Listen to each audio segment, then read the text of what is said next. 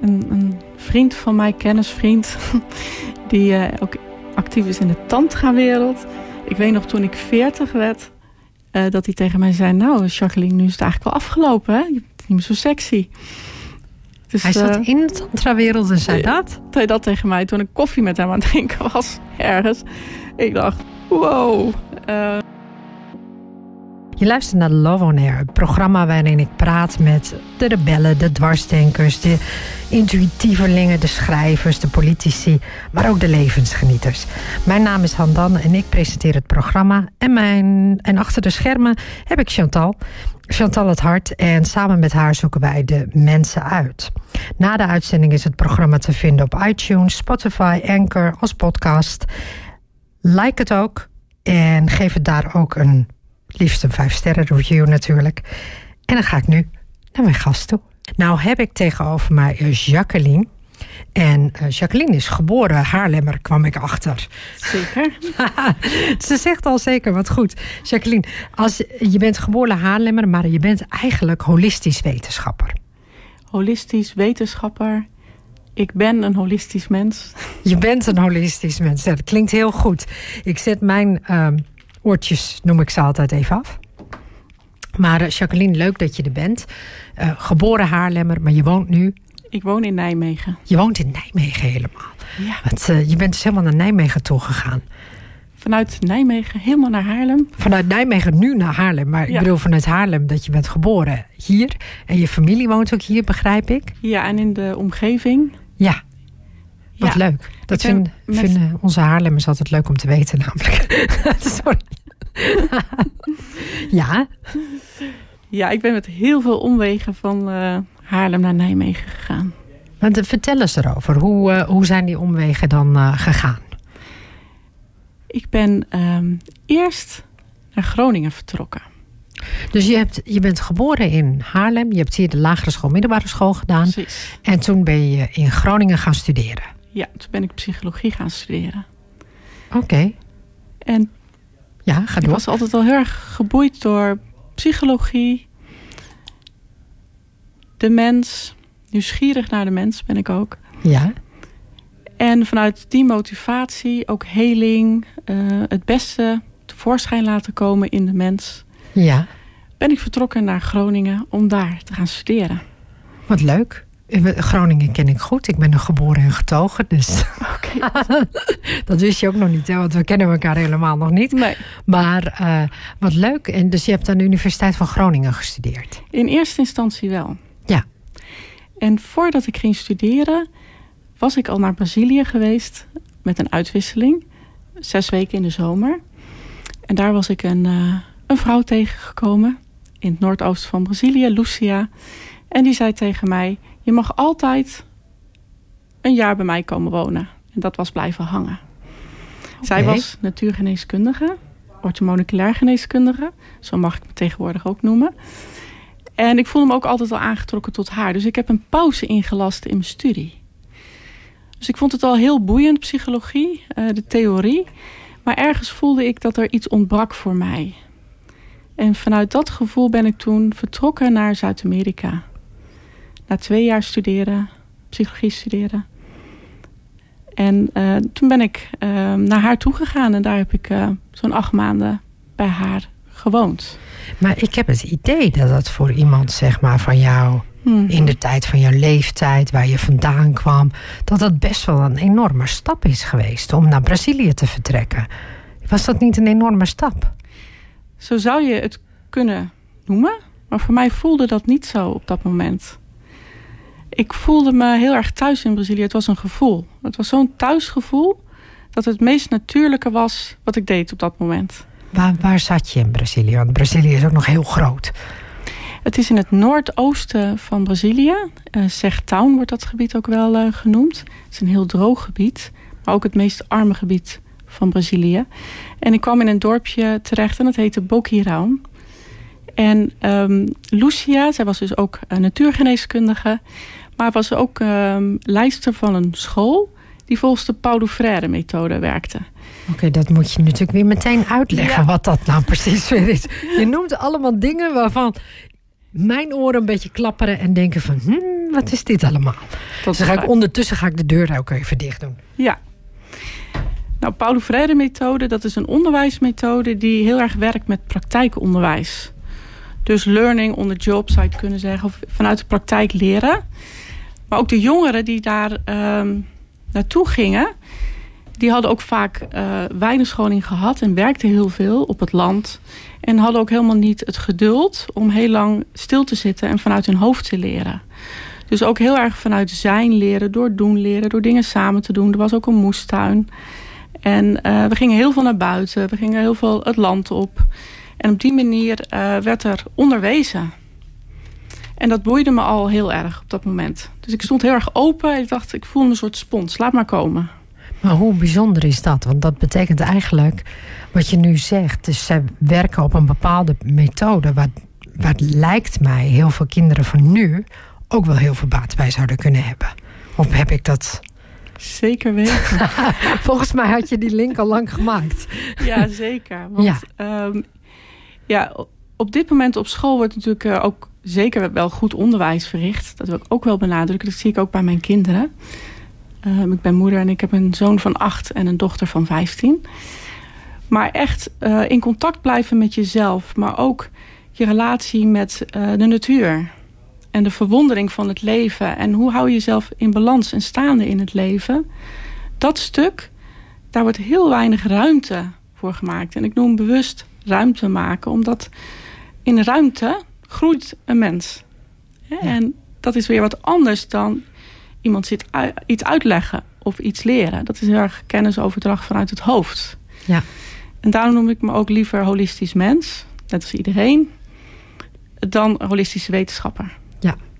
Maar ja, goed, er was natuurlijk wel een reden waarom ik je holistisch wetenschapper noemde. Want je hebt wel, zeg maar, een studie afgerond die daarover gaat.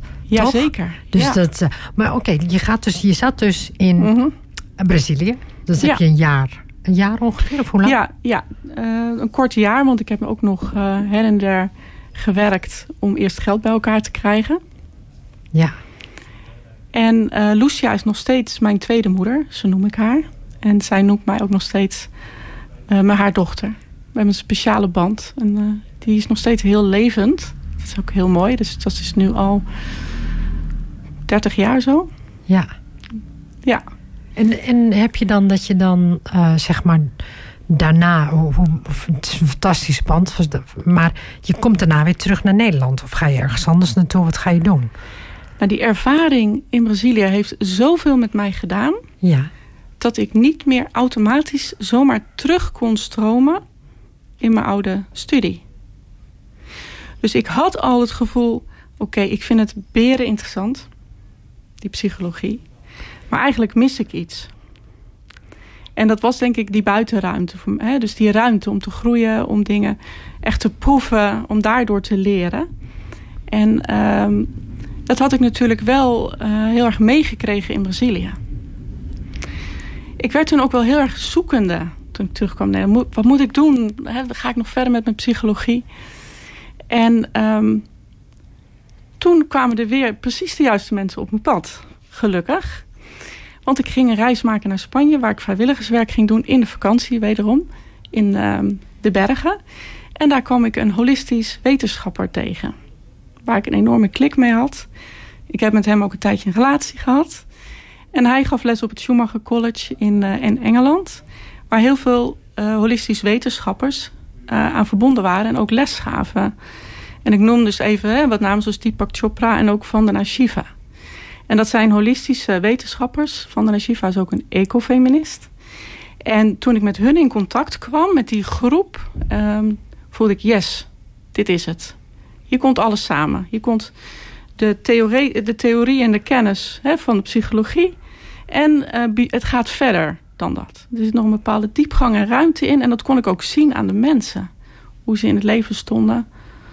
Dat is ook voelbaar. En, uh... Maar je noemt weer allemaal dingen. Hè? Dus dan moeten we toch even... Ja, meteen ja? moeten we dat gaan ja. uh, onderzoeken wat het allemaal betekent. Hè? Dus je zegt... Um, dus de holistisch wetenschapper. Schumacher Instituut noemde je volgens Schumacher mij. College, een Schumacher, universiteit. Ja, Schumacher, Schumacher College. In, uh, dus wat is die Schumacher College? Ja, op dit moment kan je daar niet meer een master doen. Maar zo'n 25 jaar geleden wel. En um, Schumacher College uh, was een verzamelplek voor holistisch wetenschappers vanuit de hele wereld. En het boeiende daarin was ook dat er dus mensen les gaven vanuit allerlei verschillende culturen.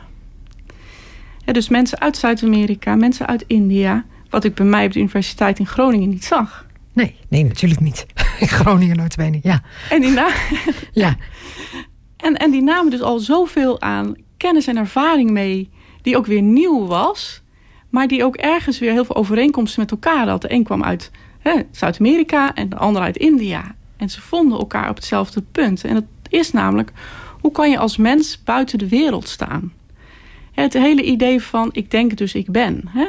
Het wetenschappelijk, ja ik ga toch even een wetenschappelijke ja, term, reductionisme van hè, de onderzoeker staat buiten het geheel. En wat ik natuurlijk ook in Brazilië had ervaren en later ook in Bolivia. Heel sterk van, ja wij zijn allemaal onderdeel, we zijn één geheel. En we doen alles samen, we zijn allemaal met elkaar verbonden. En we hebben daarin ook een verantwoordelijkheid naar onszelf toe. En daarin tegelijk ook naar de aarde toe. En nou, dat boeide mij enorm op dat moment. En ik voelde me enorm uh, geïnspireerd en thuis bij deze mensen. Ja, dat begrijp ik. Dus je hebt daar dus ook les gehad op die Schumacher, Schumacher College. Eh, eh, en was er een reden waarom ze het Schumacher hadden genoemd? Ja, het is in Dartington, Devon in Engeland. Ja. Um, dat ben ik heel even kwijt. Met iemand is natuurlijk een, een meneer, hè, een wetenschapper ook die zich hiervoor inzette. Ja. En het, uh, er was ook heel veel plek voor meditatie voor yoga, voor dans, wat ik nog steeds doe. Um, om ook echt in contact te zijn met jezelf. Niet alleen je hoofd, maar ook andere lagen in jezelf. Ja. En dat gaf ook een hele andere dynamiek. Hè? Ook ja. moestuin erbij. Dus dat, dat praktijkonderwijs, hè, wat ik in Brazilië had gezien... dat zag ik daar weer terug. Maar tegelijkertijd ook mensen, ook wetenschappers... want die zit ook in mij. En ik kon het dus ook op een wetenschappelijke manier gaan vertalen. Ja, dat klinkt ook echt, ja, klinkt heel mooi. Maar toen noemde je nog iets en dat was ecofeminisme. Ja. Leg dat eens uit. Ecofeminisme. ja. Nou, Vandana Shiva is een uh, voorvechter van de ecofeminisme. Zij komt uit India. En uh, mijn theoretische kader van scriptie is ook gebaseerd op haar theorie. Maar de kern eigenlijk van het ecofeminisme is dat de vrouwelijkheid en de vrouw ook een unieke relatie heeft met de aarde en ook met de natuur. En dat ook het horen, maar ook het ruimte scheppen voor de stem van vrouwen. En ook hun uh, kennis rondom hè, natuur, maar ook hun relatie met de natuur. Dat dat zo ingezet moet worden, zeg maar, ten behoeve van uh, duurzaamheid en een betere wereld dus niet alleen het mannelijke principe, maar ook het vrouwelijke principe meenemen. En ook letterlijk. Kijk, ik vind het zelf heel lastig om te zeggen: dit is mannelijk en vrouwelijk. Want alles loopt in wezen door elkaar heen. Hmm. En alles komt ook weer in mij terug en in iedereen terug. Anders ga je weer naar de stigmatisering terug. Maar dat een bepaalde stroming toch wel in de wereld is oververtegenwoordigd, zeker in de westelijke westerse wereld, wat toch heel erg gericht is op een bepaald mannelijk principe, zo noem ik het dan toch eventjes, hè, om het een naam te geven, wat doelgericht is, wat gericht is op beheersbaarheid van de natuur, in plaats van het verbinden en het ontvangen van de natuur. En dan daarin ga je de natuur zo koesteren dat je haar automatisch ook gaat eren. Ja, en dat, ik noem het altijd een soort patriarchale structuur. Hè? Mhm. Maar dat is denk ik wel ongeveer wat je bedoelt. Want ik heb ook het idee dat mannen er ook last van hebben. Dus het is niet, niet een mhm. mannelijk principe alleen. Het is die structuur van het patriarchaat waar mannen en vrouwen last van hebben. Of vrouwen en mannen. Zo, Precies. Ja. Dus eh, mannen, vrouwen, iedereen, hoe het ook genoemd wordt uiteindelijk. En er is een disbalans, zou je kunnen uh, zeggen, gaande. Die ook niet meer vol te houden is naar de aarde, denk ik. Op een gegeven moment, hè, dat zien we alweer terug in uh, klimaatproblematiek bijvoorbeeld. En, en Vandana Shiva, dus de ecofeminist, die zegt ook van neem dat, die stem van vrouwen juist mee. Weet je? En, en, en hun uh, ering die ze hebben naar de natuur. Omdat ze ook zo voelen hoe belangrijk dat is. Maar ook weten. En um, ja, dat heb ik natuurlijk ook meegemaakt aan de lijve in Zuid-Amerika. Nog meer in de Andes. Ik heb in Bolivia tijd gewoond, dan in, in Brazilië. als je dus te veel uh, hout hakt, bij wijze van spreken, dan heb je gewoon, kan je niet meer koken. Ja. En dus dat bewustzijn. Hè? En als je ook als vrouw ergens die rol op een gegeven moment hebt. Om te zorgen voor je kinderen. En dan ga je met heel veel liefde en bewustzijn om met de natuur. Omdat er anders niet genoeg is. En dus je, kijk, ik, zit, ik probeer een beetje een tijdspad in mijn, in, van jou in mijn hoofd te zetten. Dus je gaat dus zeg maar Brazilië, Engeland. Uh, dus je, je gaat richting uh, um, je, uh, die college, zeg maar. Daarna, je noemt al een paar keer Bolivia. Ben je daarna naar Bolivia gegaan? Nou, ik had wel al toen ik in Brazilië was, nadat ik bij Lucia um, was geweest, een kort uitstapje gemaakt naar, naar Bolivia. Dus toen was ik helemaal over land gereisd. Het was een hele avontuurlijke reis trouwens. Ja. Een goederenwagon uiteindelijk de grens over. Super avontuurlijk. Mhm. Daar voelde ik me gewoon helemaal thuis in. En uh, toen kwam ik dus de Andes binnen. Dat was ook via contacten. Um, die ook een vriendin uh, van mij had. Um, en ja, toen ging ook mijn hart heel erg open voor de Andes en de Inca-spiritualiteit. Daar had ik toen aan geproefd. En nou, toen voelde ik al van, ja, dit, dit gaat een vervolg krijgen. Hmm. Dus, hè, dus toen, ik, ik maakte ook kennis met dat ecofeminisme... wat natuurlijk in wezen hè, uit India komt. En toen dacht ik, ja, dat ga ik verbinden met uh, Zuid-Amerika. En hè, dus dat gaat ergens samenkomen. Dat, dat klinkt goed, ja. Mm maar, maar mhm. toen was je... Wacht, je was toen heel eventjes in Bolivia geweest. Ja. En dan ben je weer... Terug naar Nederland gegaan. En toen... Ik was in eerste instantie ook heel erg uh, geboeid door neuropsychologie. Dus ik wilde eigenlijk afstuderen in neuropsychologie. Ja. Vind ik nog steeds heel interessant. Maar dat is weer een zijweg waar ik later nog meer over kan vertellen. Want dat is ook weer teruggekomen in het vak wat ik nu doe. Maar eh, na alles wat ik had meegemaakt en de mensen die ik had leren kennen, ja, dacht ik, de studie in Groningen past niet meer. En toen kwam ik erachter dat er een studie in Nijmegen was. We komen bij Nijmegen. Die wel aansloot. En uh, dat was... Uh, ja, in Nijmegen had je cultuur- godsdienstpsychologie. Uh, maar ook nog, en het was in die tijd... Uh, begin jaren negentig hebben we het over... Nog niet eens een officiële studie. Maar er zat ook een hele boeiende professor in Nijmegen Gerrit Huizer. En die heeft mij heel erg geïnspireerd. Die was ook heel erg voor de holistische wetenschap. Die heeft mij onder zijn hoede genomen. En hij is ook onder andere mijn scriptiebegeleider geworden. Oké. En, dus, en daarin is ook dat stuk ontwikkelingsstudies... wat in, toen nog in die tijd derde wereld... dat noemen we het, zo noemen we het tegenwoordig nee. studies werd genoemd. En dat kon je dan gewoon als je al hè, een Tegenwoordig zou je dat bachelor noemen. Toen ging je gewoon voor je master. Ja. Maar als je al een paar jaar zo'n sociale studie als psychologie had gedaan... kon je gewoon wat vakken daar ook erbij gaan doen. Ja. En daar leerde ik Gerrit, ik noem hem toch Gerrit, kennen. En hij is ook heel erg belangrijk geweest uh, voor mijn pad. Hij stimuleerde me heel erg, ook al dacht ik anders... dan de meeste mensen op de Universiteit van Nijmegen. Dus hij had wel zoiets van, dit moet je gaan doen. En, uh, en waar ging je scriptie uiteindelijk over? De titel van mijn scriptie is um, Pachamama, Let the Seed Grow. Ja. Uh, ik heb het in het Spaans en Engels geschreven uiteindelijk. Um, Pachamama staat voor moeder aarde. En um, het theoretisch kader is dus vanuit hè, ecofeminisme en holistische wetenschap. Dat alles met elkaar verbonden is. En uh, de integratie van het vrouwelijke principe, wat dus heel erg vertegenwoordigd is binnen de Inca-spiritualiteit. En dus ook heel erg letterlijk zijn plek heeft naast het mannelijke principe. Dus dat was het theoretisch kader. En concreet heb ik onderzoek gedaan ook naar verschillende um, ecologische zones in de Andes. Dus ben ik in verschillende gemeenschappen uh, verbleven om de relatie tussen man, vrouw en de natuur te onderzoeken. Dat noem je dan officieel natuurlijke bestaansbronnen. Um, dus uh, dat heb ik gedaan. Maar ook te onderzoeken van hoe is nou de mannelijkheid en de vrouwelijkheid vertegenwoordigd in deze spiritualiteit. vanuit uh, godsdienst, psychologie. Um, dat, dat, was echt, want dat moet dan wel echt een enorme scriptie zijn geworden. Nou, wil, je dat, wil je dat goed hebben kunnen kaderen ook? Dat, volgens mij, ze, ze, ze zucht een beetje en ze kijkt een beetje weg. Dus ja, dat denk ik wel, ja. Ja, ik heb twee kinderen met twee keer bevallen. Maar ik denk dat die scriptie nog wel haast een grotere bevalling was. Ja, ja, ja. Uh, ook omdat ik natuurlijk ook naar de lokale mensen... Wil, voor de lokale mensen wilde ik heel veel betekenen. Dus ik voelde ook dat ik het ook daarom in het Spaans dingen wilde achterlaten. Um, maar ik wilde het ook nog, en dat had ja, Gerrit mij geadviseerd... van kan best nog wel internationaal interessant worden ook. Dus schrijf het ook in het Engels. Hè, dus die hè, eindscriptie. Dus het vertalen van het Spaans naar het Engels... Nou, dat werd heel grappig. Ook de Engelse woorden die ik op dat moment uh, kon verzinnen. Omdat ik natuurlijk zo lang in een Spaanse omgeving... maar ook wel een Quechua-omgeving had verkeerd.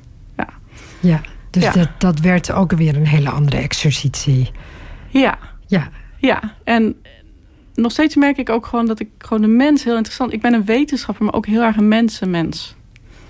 Ja, nee, dat is duidelijk. En ik vind het ook heel mooi om te zien in de manier hoe jij je... Ja, dus blijkbaar wat je nu hebt verteld, hoe je met mensen omgaat... en hoe je daar dus wetenschap in vlecht, zeg maar. Ja. Zo lijkt het wel een beetje. Ja, dus dat, dat doe je Mhm. mooi. Zo lijkt het. Zoals ik je nu zo een beetje zo, uh, zo ken. Um, maar goed, je, bent, je hebt die scriptie afgemaakt. En wat ga je dan doen dan? Hele goede vraag. Want op dat moment werd ik ook heel erg gevraagd voor veel dingen. Dus ik stond dan ook echt voor een keuzemoment. Ik zat nog steeds met mijn enorme liefde toen ik afgestudeerd was voor Zuid-Amerika. En um, het was heel sterk verlangen ook om weer terug te gaan. Gerrit Huizer, dus de professor waar ik het net over had, die had zoiets van: ga promoveren alsjeblieft. Um, dit wordt geweldig. Het is nieuw hè, dat het ook deze universiteit komt.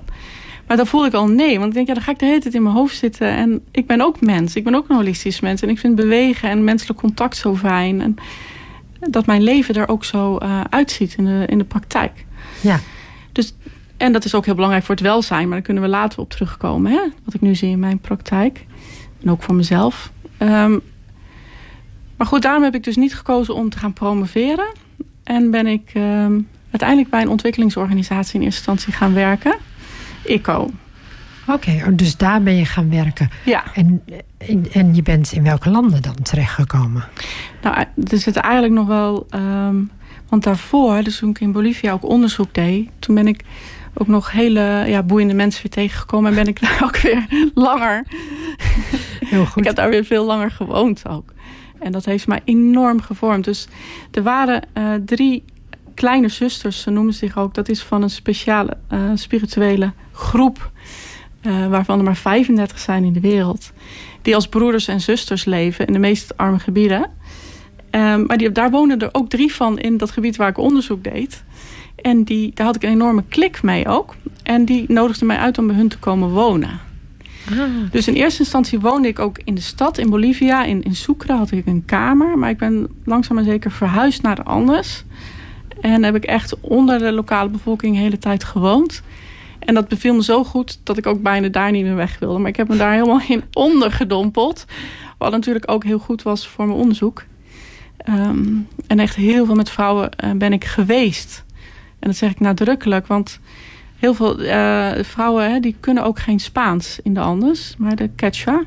En de communicatie en het verbinding was echt heel erg op ander niveau, voelde ik. Door samen te zijn, samen een, een vrouwengroep te vormen. En wat, voor, wat voor taal spreken zij? Quechua. Oh, dat heet Quechua. Ja. Okay. Ja. ja. En de mannen, dat, dat, die spreken ook nog wel wat Spaans. Oké, okay, die, die gaan wat iets meer naar buiten. En, uh, ja. Ja, oké. Okay. Ja. Want wat bijzonder verhaal ook dit weer. Want, maar, je, maar dus Mhm. uh -huh. je... Maar, maar je ging eigenlijk terug van je ontwikkelingssamen... Uh, hoe zeg je dat? Je ging werken bij een ontwikkelingssamenwerking. Ja. Hoe zeg je dat Net nou? zoiets als Novib zou je het kunnen noemen. Ja. Een medefinancieringsorganisatie. Dus eigenlijk een hele grote ja, organisatie, ontwikkelingsorganisatie in Nederland... die ook gefinancierd wordt door de overheid. Hè. Dus Ja. een stuk van ons belastinggeld wordt besteed...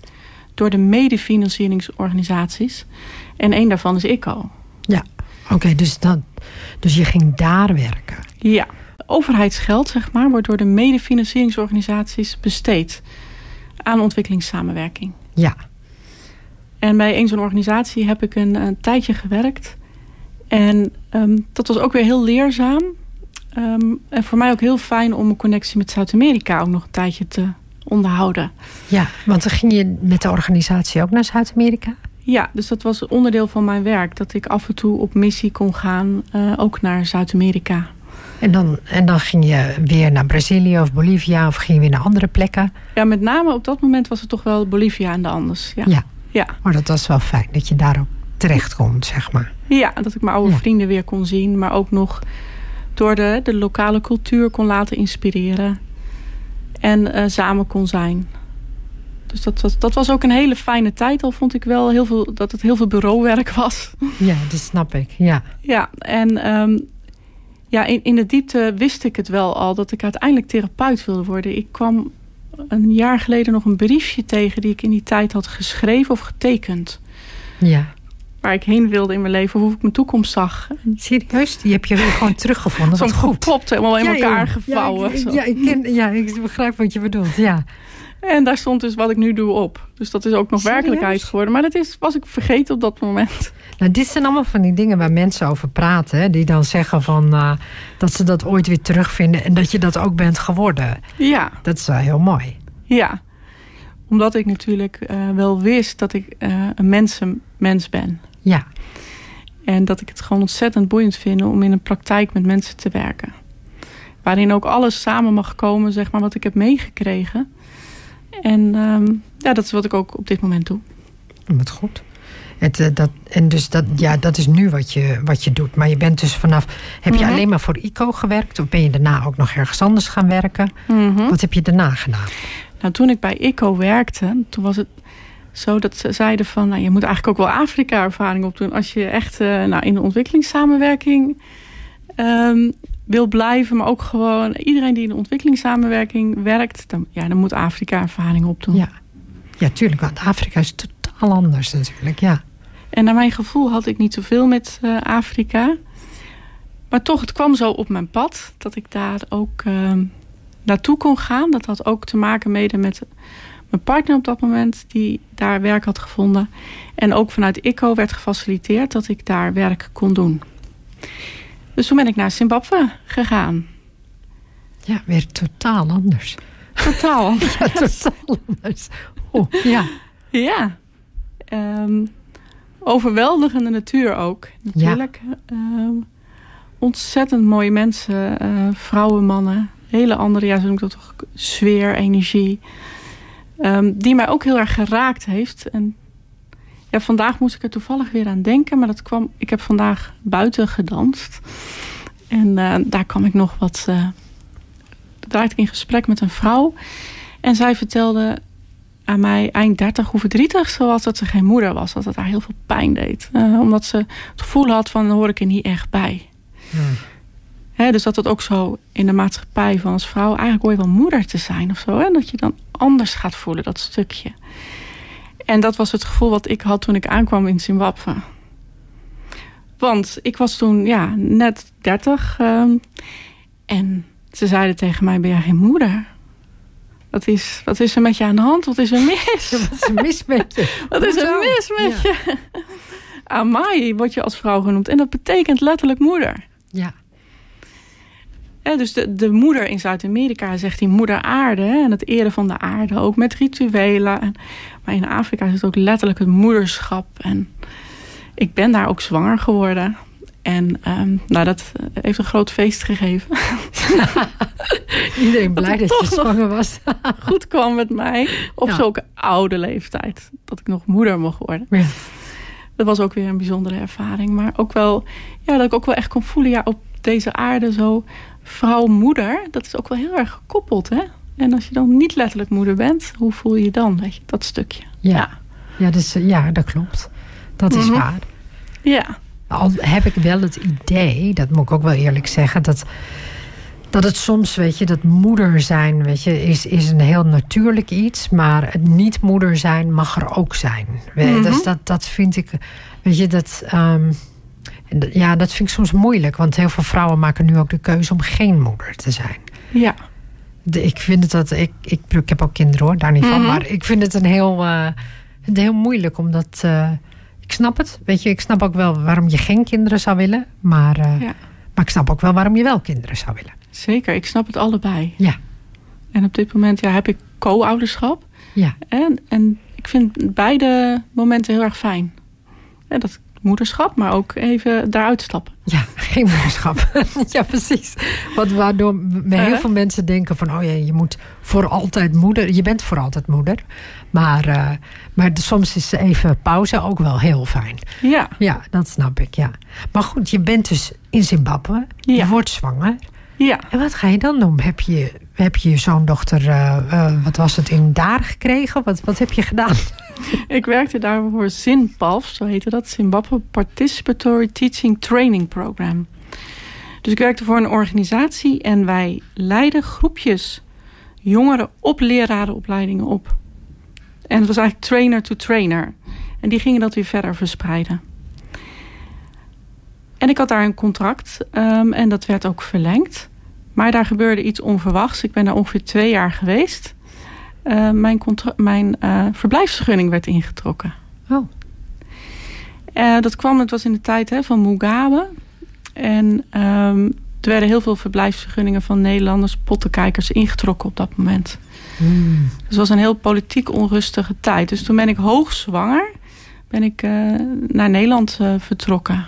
En toen moesten we ook snel ons huis of onze auto's verkopen. En uh, ja, dat was even een shift. Ja. Dan is er weer een shift. En dat was dan ook weer totaal anders. Dus je, uh, dus je kind is dus ook weer in Nederland geboren. Ja. Ja. Dus dat, uh, dus dat was ook weer een shift. En toen werd je moeder. Ja, dus het, het shiften, dat, is, dat gaat me wel goed af. Ja, volgens mij wel. Als je, als je het zo hoort, ben je overal wel een beetje geweest. Ja. Ja. Ja. Ja. En, en, je bent in Nederland gebleven daarna. Ja, en toen kwam er dus ook iets in mij. Voelde ik iets in mezelf van ja, ik wil echt in Nederland blijven. Nu is het tijd inderdaad om echt die verdieping in te gaan. Um, ook om een praktijk in de toekomst te gaan starten. Opleiding op dat vlak te gaan doen. En dat voelde ik gewoon. Dus dat was een nieuwe weg die ik inging. Waarin ik weer een oud stukje mocht uh, gaan loslaten. Ja. ja. En als je nu zou zeggen, wat voor werk doe je precies? Ja, ik ben op dit moment... Um, ja, orthomoleculair, heel veel mensen hebben daar niet van gehoord, denk ik. Hè? Maar dat valt onder de natuurgeneeskunde.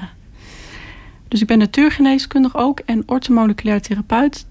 En orthomoleculair, ja, ortho staat voor recht of gezond en moleculair voor moleculen. Ja. En wezen streef je naar optimaal welzijn en gezondheid van alle moleculen van de mens. Maar het bijzondere hè, van de manier waarop ik werk... dat is eigenlijk ook weer niet puur orthomoleculair. Hè, waarin je de cellen goed gaat voeden. Maar ik heb me juist ook erg verdiept natuurlijk in, in het geheel, zeg maar. Ook in de mens. Hè, ook fysiek letterlijk de verbindingen tussen hormonen en neurotransmitters. Daar komt die psychologie weer terug. Um, en de darmen. Hè, dat dus enerzijds. Maar aan de andere kant ook de invloed van leefstijl. Maar ook bewustzijn. Hè? En dan kom je ook weer op het mannelijke en vrouwelijke stuk. Hè, het integreren in jezelf. Uh, maar ook maatschappelijk. En wat voor invloed heeft dat op het welzijn van ons. Mannen en vrouwen. Hoe het nu is ingericht. Wat natuurlijk wezenlijk ook weer anders is. Dan ik, wat ik heb gezien in de anders bijvoorbeeld. Ja. En ik voel wel echt een missie om uh, voor het welzijn van de mens en de aarde... om daar uh, bewustzijn zeg maar, uh, op te kweken of dat ook naar buiten te brengen. En dat is nu wat jouw -hmm. praktijk dan inhoudt? Van wat voor mensen komen er bij je dan? Um, ja, ik werk uh, trouwens in een centrum voor integratieve geneeswijze in dat Nijmegen. Dat was het, ja, dat deed je, ja. En wij zijn een vereniging en er zitten ook een paar huisartsen. En wij werken echt samen. We hebben ook een gezamenlijke missie, maar we behandelen samen patiënten. En uh, de complementair geneeskundige en de regulier geneeskundige werken geïntegreerd. Wat bijzonder uniek is voor Nederland. Mm -hmm. Oorspronkelijk was het een antroposofisch centrum, maar nu is het echt heel bewust integratief. Maar dat betekent dus bijvoorbeeld, dan komen mensen bij de balie en de een gaat naar de huisarts en de andere gaat naar jou? Of is het de mm -hmm. een, je gaat, er komt iemand bij jou en jij denkt van, hm, het is misschien toch iets beter om naar de huisarts te gaan? Hoe doen jullie dat? Ja, er zijn heel veel mensen hè, die um, zich hè, direct bij mij aanmelden. Maar er zijn ook mensen die via collega's komen en die we dan, hè, waar we een gezamenlijk behandelplan voor opstellen. Maar dat is ook weer niet altijd het geval. Hè. Er zijn ook mensen die alleen bij mij in de praktijk komen. En wat voor mensen melden zich bij mij? ik ben met name gespecialiseerd nu, want ik ben ook een beetje een focus gaan uh, leggen. Hè. Dus toch wel in burn-out en hormonale klachten uh, bij vrouwen. Dat is een diepe specialisatie van mij. Uh, menstruatieklachten, overgangsklachten, vruchtbaarheidsproblematiek. Um, maar ook mensen met ja, burn-out die vastlopen. Um, maar ook mannen met hormonale klachten die komen ook bij mij. Ja. Dus dat is toch wel eh, burn-out uh, en hormonale disbalans. Dat is een beetje zo... Uh, die mensen komen bij mij binnen. En hoe, waarom heb je dan gekozen voor burn-out bijvoorbeeld? Ja, ik kan het me een beetje voorstellen... want ik denk dat we heel veel mensen last hebben van burn-out. Maar ben je, heb je daarom die richting op gekozen? Want hoe is dat gegaan? het is nog niet eens uh, een hele bewuste keuze. ben ik gewoon heel eerlijk in geweest. Mhm. Omdat er gewoon ontzettend veel mensen met burn-out op mijn pad zijn gekomen. Ook zich gingen aanmelden in mijn praktijk. En waar ik ook zag dat die gingen vastlopen, zeg maar, door een overmatige doelgerichtheid. Hè? Um, en dat ik met een soort integratieve therapie heel veel kon betekenen voor deze mensen. En dat ik ook in het schrijven van stukken hierover... of het vertellen zeg maar, naar anderen... ook weer wetenschappelijke holistische principes kon gebruiken... waarom mensen vastlopen. Dus op een gegeven moment werd ik bij het congres voedingsgeneeskunde... dat is vijf jaar geleden, als keynote en burn-out specialist neergezet. Wat ik echt leuk vond, denk ja, dat zo, ik vind het ook best wel lastig om mezelf zo te noemen. Hè, dat ik, dingen gebeuren. En, maar goed, als je goed kijkt naar mijn pad... waar je me nu ook over interviewt... is het natuurlijk heel logisch, want psychologie. ik heb ook nog haptonomie gestudeerd. allerlei dingen komen natuurlijk samen. Wel in, zowel in mijn behandeling als uh, ook in het schrijven daarover. Hè? Of het vertellen in cursussen. Ja, want je geeft ook. Want zo, via via kwam ik, uh, kwam ik dus bij jou terecht. Maar want je geeft ook cursussen. En je wordt ook, er wordt ook gevraagd of jij daarover wil vertellen. Ja, ja dus um, ik geef... Uh, cursussen hè, voor artsen, therapeuten. En um, dat zijn over het algemeen best wel aardige groepen inderdaad. Hè. Dat is dan een stukje bijscholing. En daarin voel ik ook het belang van die holistische wetenschap weer. Ja. Omdat ik gewend ben bij natuurgeneeskundige en orthomoleculaire bijscholingen... dat het um, toch wel, ook soms zelfs um, heel erg reductionistisch... om het zo maar even te zeggen. Dus um, gericht is. Niet altijd hoor. Er zijn ook wel mensen die het veel breder ook uh, bekijken. Maar iedereen heeft dan ook weer denk ik iets unieks uh, te brengen. Van uh, de trainers en de mensen die mm lesgeven. Ja. Maar dan, dan geef je dus les op hormonen? Of geef je dan weer les op burn-out? Of waar geef je les op? Zo grappig. Voor mezelf heb ik dus echt thema's per twee, drie jaar. Ja. En een paar jaar geleden was het echt steeds burn-out. Um, en nu, de laatste twee jaar, is het echt gericht op verdiepingscursussen hormonen. En wat maakt nu dat je de richting de hormonen bent gegaan? Ja. Het hormonen zijn echt, ja, volgens mij is het heel belangrijk, maar mhm. wat zijn ze precies?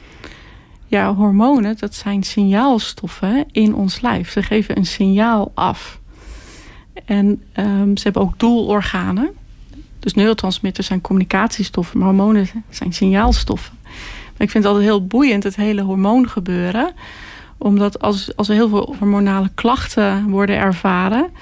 is dat ook een signaal hè, dat er ergens iets spaak loopt. Uh, ook in leefstijl. Ja, maar wat zijn precies hormonale klachten?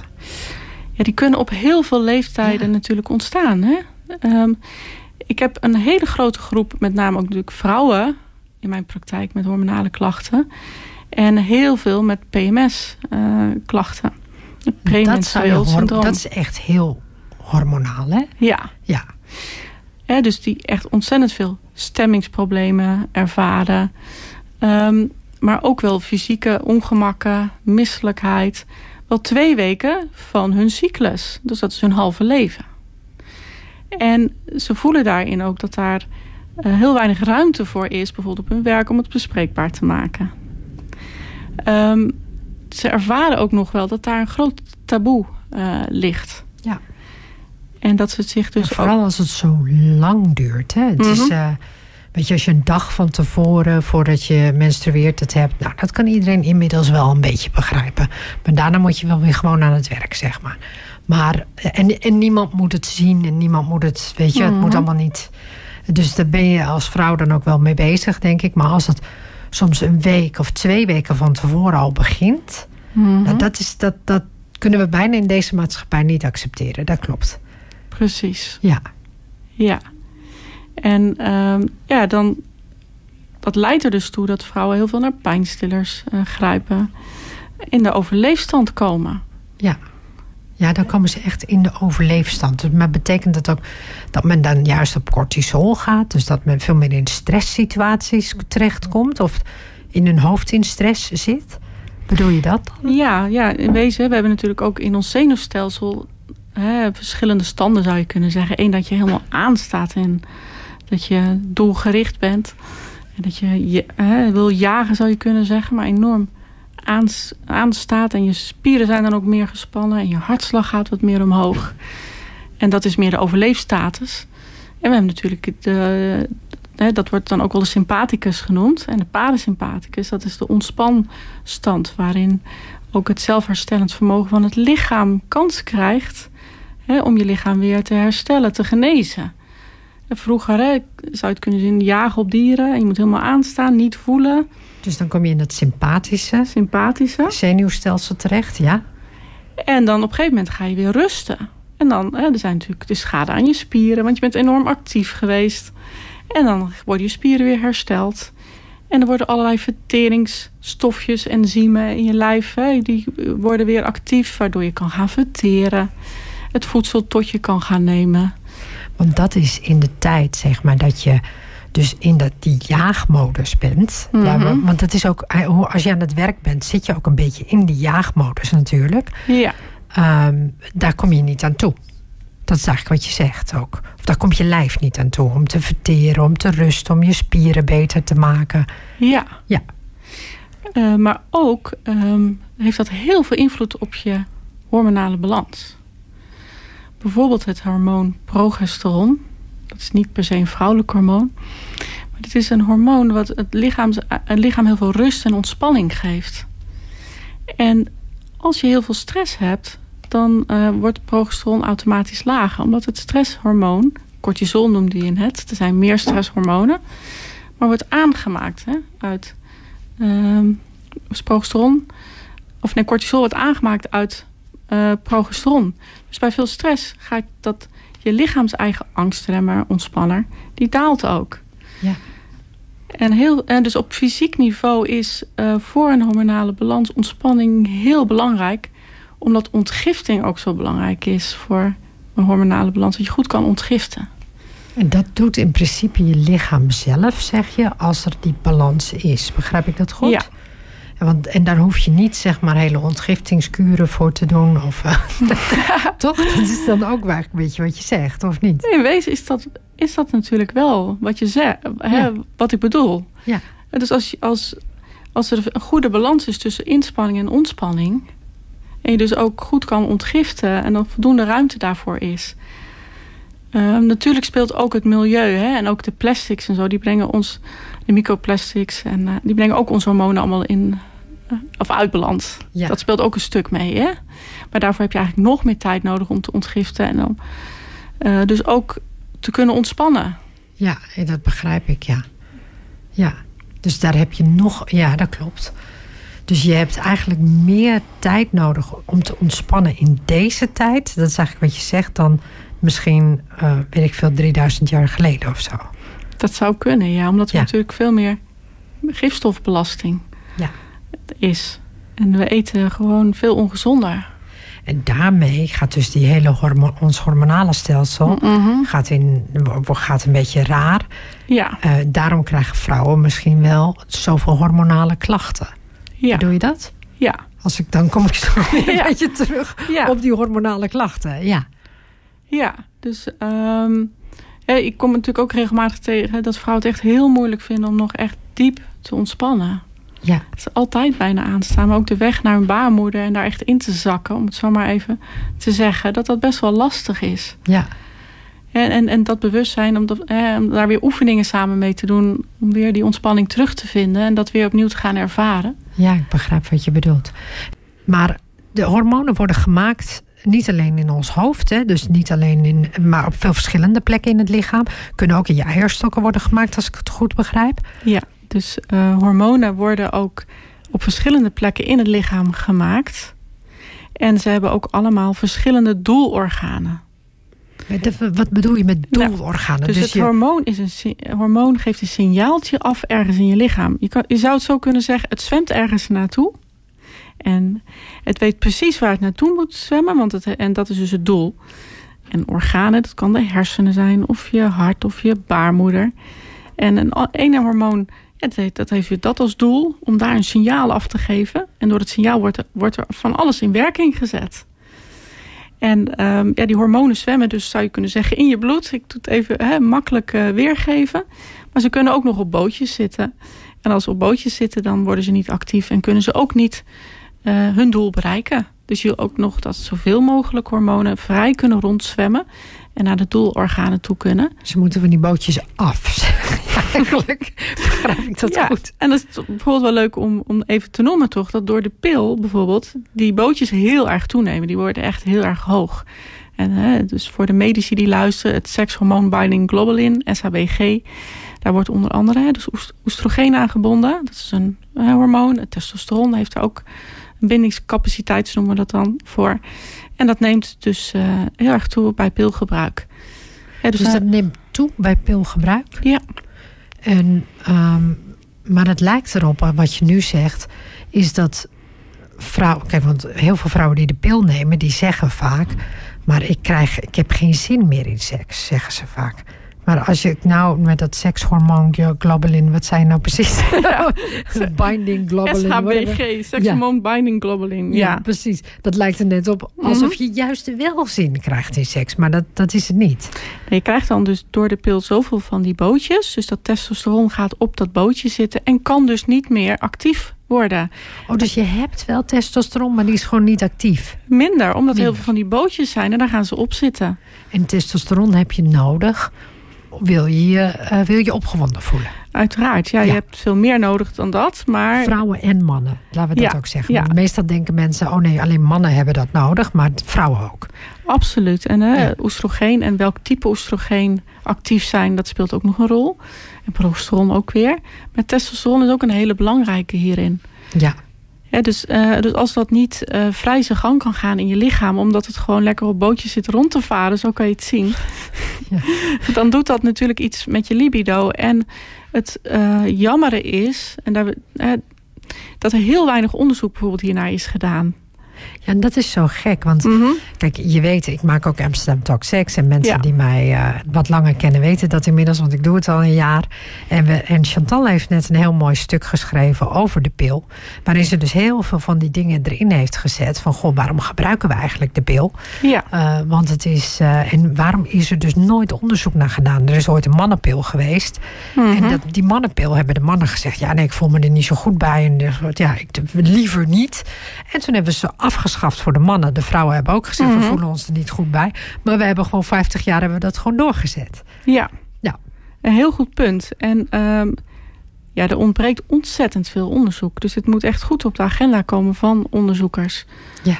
En dus daarin voelen vrouwen zich ook niet gezien vanuit de wetenschap zelfs niet. Hè? Nee, dat klopt. Ja, in een relatie uh, zit er vaak al een bepaald stigma op. Oh, je bent weer ongesteld. Het wordt dan soms wel eens in de gemeenschappelijke agenda gezet. Ja maar uh, ja, ook om zo snel mogelijk van de klachten af te zijn... gaan veel vrouwen ook de pil gebruiken. Nou ja, ik merk zeg maar heel veel vrouwen die bijvoorbeeld... of heel veel jonge meiden die last hebben van... weet je, dan komt een ongesteldheid niet precies, weet je wel, één keer per maand. Maar mhm. dan komt het misschien één keer per drie weken en daarna één keer per zes weken. Dus ze zijn niet regulier. Waardoor een arts meteen zegt van, we zetten jou op de pil. Want dan weten we in ieder geval zeker dat het goed gaat komen. En ja. dat is dus zo. Weet je, terwijl heel vaak als je net ongesteld bent, moet je lichaam nog heel erg wennen. Mhm. Je, dus die is nog een beetje aan het balanceren van wat gaan we doen. Weet je, voordat hij helemaal die één keer per maand of één keer per vijf weken heeft of wat dan ook. ja. En, eh, ja, en dan zie je gewoon heel veel artsen die zeggen van zet er op de pil. En die moeders gaan daar maar mee akkoord. Want dan ben je in ieder geval ook, denk je van nee, dan wordt ze in ieder geval ook niet zwanger. Dan zijn we daar ook vanaf, weet je. Dus dat, Ja. dat idee een beetje. Het, het is heel praktisch of zo.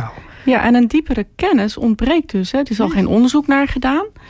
Maar ook van het belang van een cyclus. Het is een ontzettend waardevol ontgiftingssysteem. Ja.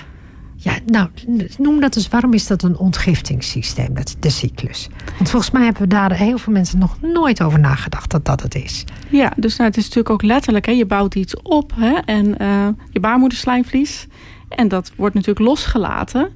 En dat, hè, dat ge- geeft ook een stukje verbinding met de aarde. En, hè, en de- anders is dat natuurlijk, heeft dat heel veel plek en heel veel eer ook, die periode. En, en zijn vrouwen daar ook samen in. Maar ook op fysiek niveau eh, ja, is het een heel belangrijke fase om te ontgiften. Als je kijkt naar de activiteit van de lever. Dus dat wordt gewoon onderdrukt. Dus Dus de lever heeft meer activiteit op het moment dat je ongesteld bent. Zeg je dat nu? Ehm, nou, er zijn eh, allerlei ontgiftingssystemen in het lichaam. Ja. Hè, waaronder ook eentje, die heet methylering. En zo zijn er Mhm. nog. Hè, dat zijn allemaal de officiële namen ervoor. En eh, door het gebruik van de pil beïnvloed je ook die ontgiftingssystemen. En je ziet juist dat daar een hele mooie activiteit is. Hè? eh, ook rondom de menstruatie om te ontgiften. Ja. En als je dus heel veel menstruatieklachten hebt, is dat ook een signaal dat er eigenlijk iets niet helemaal in balans is in je lichaam. Dus het is ook een fantastisch mooie spiegel om naar jezelf te kijken. Van wat, wat zou er nog beter kunnen? Want er is natuurlijk niks mis. En want dat vind ik al heel belangrijk om te zeggen. Het idee dat er iets mis is omdat je menstruatie hebt, omdat je dan wat meer voelt. Daar is niks mis. Daar wordt iets ervaren en dat is een signaal ook. En eh, dat, daarmee, eh, dat, is, dat is een spiegel waardoor je beter kan gaan voelen in zijn algeheel. Ja. Ja, want als je dan ontgiftingssystemen gaat verbeteren, dan zie je ook dat de menstruatieklachten vaak verminderen, maar dat de algehele gezondheid verbetert. Ja, en dat mis je ook door maar gewoon eh, snel te kiezen voor de pil. Ik, wil, ik ben ook niet anti-pil, dus dat vind ik ook heel mooi. Ik werk natuurlijk ook samen met de regulier. Ik vind het heel mooi om naast elkaar te doen en ik ben ook niet tegen regulier. Nee. Nee, maar dat hoeft ook niet. Maar Nee. het is, het is, alles heeft zeg maar zijn tijd. Weet je, waarom, Ja. je, waarom je misschien voor een bepaalde tijd de pil zou kunnen gebruiken. Ja. Of dat je zou kunnen zeggen van, goh, weet je, ik doe het echt als anticonceptie. Mhm. Maar dat je niet gaat zeggen van, want dat vind ik altijd wel kwalijk, dat je zegt van, ik doe het om, zeg maar bij jonge meiden, om iets te reguleren. Weet je, dat, dat, dat, ja, dat Ja. vind ik dan iets minder of zo. Ja, om ze wat vlakker te maken zou je juist kunnen zeggen. Terwijl Ja. het is al goed, maar er zit een cyclus. Ja, en die cyclus is gewoon niet vlak. Precies. Ja, En die cyclus die zie je ook in hele onze aarde, maar ook al in een dagritme, eb en vloed. En dat is iets nat natuurlijks. Natuurlijke kan haast niet. ja. En mag dat ook zijn plek krijgen. En dat is, dat is ook zo heel mooi. Maar je, dus, die, dus dan hebben we zeg maar die hormonen en die hormonenbootjes. dat ga ik echt nooit vergeten, want dat betekent gewoon dat ze niet bruikbaar zijn voor het lichaam. Wat heel jammer is. En nou heb je dus die hele ongesteldheidsperiode. Of de, nou, je bent heel lang in je, leven ben je ongesteld. Maar op een gegeven moment kom je ook in de menopauze terecht. Ja, Dan word je niet meer ongesteld. ja. Dat neem ik, kijk, want dat vind ik ook wel Mhm. overgang of menopauze. Nou, menopauze is eigenlijk maar één moment. Precies, maar de, la, de laatste me- de Ja, menstruatie. de dag ja. van je laatste menstruatie. En dat kan Ja. je pas een jaar later vaststellen. Oh ja, dat wist je dus niet van tevoren, nee. Nee, dus als je een jaar lang niet ongesteld bent geweest, ja, dan kan je achteraf zeggen, toen was mijn menopauze. Hè, want je moet een jaar lang niet ongesteld zijn geweest om in de menopauze te zitten. Ja. Daarvoor kan het nog fluctueren. Kan je langere cyclussen hebben, kortere cycli. Eh, maar ook al heel veel, dat noemen wij dan vasomotorische klachten. Hè, opvliegers, zweten. Va vasomotorische klachten. Ja, dat is dan de officieel medische naam. Vasomotorische klachten, oké. Ja, en, en ehm, inmiddels zit ik zelf ook in die eh, leeftijdsfase. Ja, Ehm, maar goed, dat, dan, de overgang, dat is die hele periode ervoor. En ehm, dan vinden al hele, heel veel hormonale wisselingen al plaats. Je ziet dat het progesteron al heel erg daalt. Dat daalt veel meer dan het hormoon oestrogeen in eerste instantie. Dus daarmee word, word je ook stressgevoeliger. Dus dichter bij jezelf blijven, dat komt nauwer.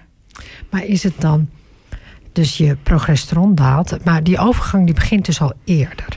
Ja. Dus bij, bij heel veel Amerikaanse mensen die ik hoorde, die zeiden van dat begint al op je 35ste, 40ste. Mhm. En jij zegt ook ja. Ja. Ja. Is dat echt zo? Dat is echt zo. Ik vind het echt heel vroeg. Het lijkt net zo, hoezo overgang begin je dan op die leeftijd? Nou ja, op, rond die leeftijd. En dat is bij elke vrouw een beetje verschillend maar dat, dat, lijkt ook te vervroegen trouwens. Dat lijkt te vervroegen, ja. Dat idee heb ik ook, ja. Ehm, maar gaat het progesteron al dalen? Oké. En heel veel vrouwen komen bij mij ook, hè, bijvoorbeeld 35, 40. En die denken dat ze al ehm, in de overgang of bijna in de menopauze zitten. Maar die hebben heel veel stress waardoor hun progesteron laag is. Ah, dus ze hebben dezelfde soort symptomen. Maar die, die, denken al dat ze echt ver in de overgang zitten en richting menopauze. Maar dat is helemaal niet zo. Hè. Dat kan je ook weer door bepaalde metingen vaststellen. Maar dat heeft te maken met eigenlijk ook het niet eren van hun eigen cyclus. Hmm. Ehm, toch wel heel erg doelgericht zijn, dus of heel erg aanstaan. Dat kan natuurlijk ook heel erg met trauma's te maken hebben, waardoor je moeilijk kan ontspannen. Ehm, en daardoor krijgen ze dus ook uh, klachten die lijken op menopausale klachten. Ah, oh, dat is ook wel heel interessant zeg. Want daardoor denk je dus, maar, maar is het ook zo Even een vraagje tussendoor. Van, want je ziet soms ook wel eens dat meisjes... die worden steeds jonger ongesteld. Dat idee heb ik ook. Mhm. Dat wat het vroeger... dat je 15, 16 was... dat je voor het eerst ongesteld was... is het nu 12, 8, 10... Weet je, waar, waar ik echt denk, 10? Weet je, ja. hoezo? Hoezo ben je dan ongesteld? Maar dat gebeurt dus nu ook. Ja. Dus alles lijkt te vervroegen. Ja. Ja. Ja, en dan kijk ik toch ook eventjes hè, naar het milieu, onze voeding, bewerkte voeding. Uh, maar ook natuurlijk uh, landbouwgif bijvoorbeeld, hè, wat wordt gebruikt. De plastics in onze oceanen, die ook allemaal weer invloed hebben op onze hormonen. Ja. En daar is wel wat onderzoek al naar. Hè? Um, ook meer uh, risico op hormonaal gerelateerde kankers, zowel bij mannen als bij vrouwen. Als gevolg hè, van um, dit maatschappelijk probleem, zou je kunnen zeggen. Ja. Ja. En dat is dus ook echt een maatschappelijk probleem. Maar uh, laten, we, mhm. laten we eens doorgaan naar vrouwen die dan um, in die menopauze, uh, of in ieder geval de overgang terechtkomen mm en dan richting die menopauze gaan. Dus je zegt je moet je laatste ongesteldheid, die weet je nooit precies zeker, want dan moet je een jaar niet ongesteld voor zijn geweest. En wat, wat je zei ook, je progesteron daalt, ja. je wordt doelgerichter, krijg je dan ook meer testosteron? Um, nou, door het dalen van het progesteron hè, word je stressgevoeliger. Dat is wat ik zei. Dat is, ja, maar is dat dan mhm. ook dat je meer testosteron krijgt? Of niet? Um, Want ik heb het idee dat mhm. als ik zo'n schaal voor me zie, dus je hebt een beetje testosteron en je hebt een beetje progesteron. Misschien wordt die testosteron niet meer, maar omdat het progesteron daalt, is de testosteron toch hoger. Ook al was het altijd hetzelfde, zeg maar. I don't know, maar dat, dat mhm. zo zie ik het in mijn hoofd, zeg maar. En zo werkt het niet helemaal. Oké. Nee. Uh, testosteron, hè, dat wordt door onze eierstokken, maar ook onze bijnieren geproduceerd. En um, ja, het actieve deel van testosteron, zeg maar, is afhankelijk van zoveel factoren. In wezen zie je wel een daling, toch een geleidelijke daling bij vrouwen ook, hè? van testosteronniveau. Maar inderdaad, bijvoorbeeld die SHBG, die bootjes, die hebben daar ook weer invloed op. Um, hè, maar ook de productie vanuit de bijnieren. Soms door uh, een, een, disbalans noemen wij dan stressas. Hè, dus een hele mooie samenwerking tussen bijnieren, schildklier en hersenen. Hypofyse, hypothalamus. En zie je wel eens inderdaad dat er juist meer testosteron wordt geproduceerd in bepaalde periodes maar dat is niet altijd positief, maar dat kan ook wel weer een positieve uitwerking hebben op het, op het libido bijvoorbeeld. Ja, Wat dat je ook, dan weer wel. Ja. ja, en dat zie je natuurlijk ook wel bij vrouwen in de overgang, dat dat soms kan, kan toenemen. Ja. Er zijn allemaal ideeën zeg maar, over de overgang die uh, niet kloppen met de, met de realiteit.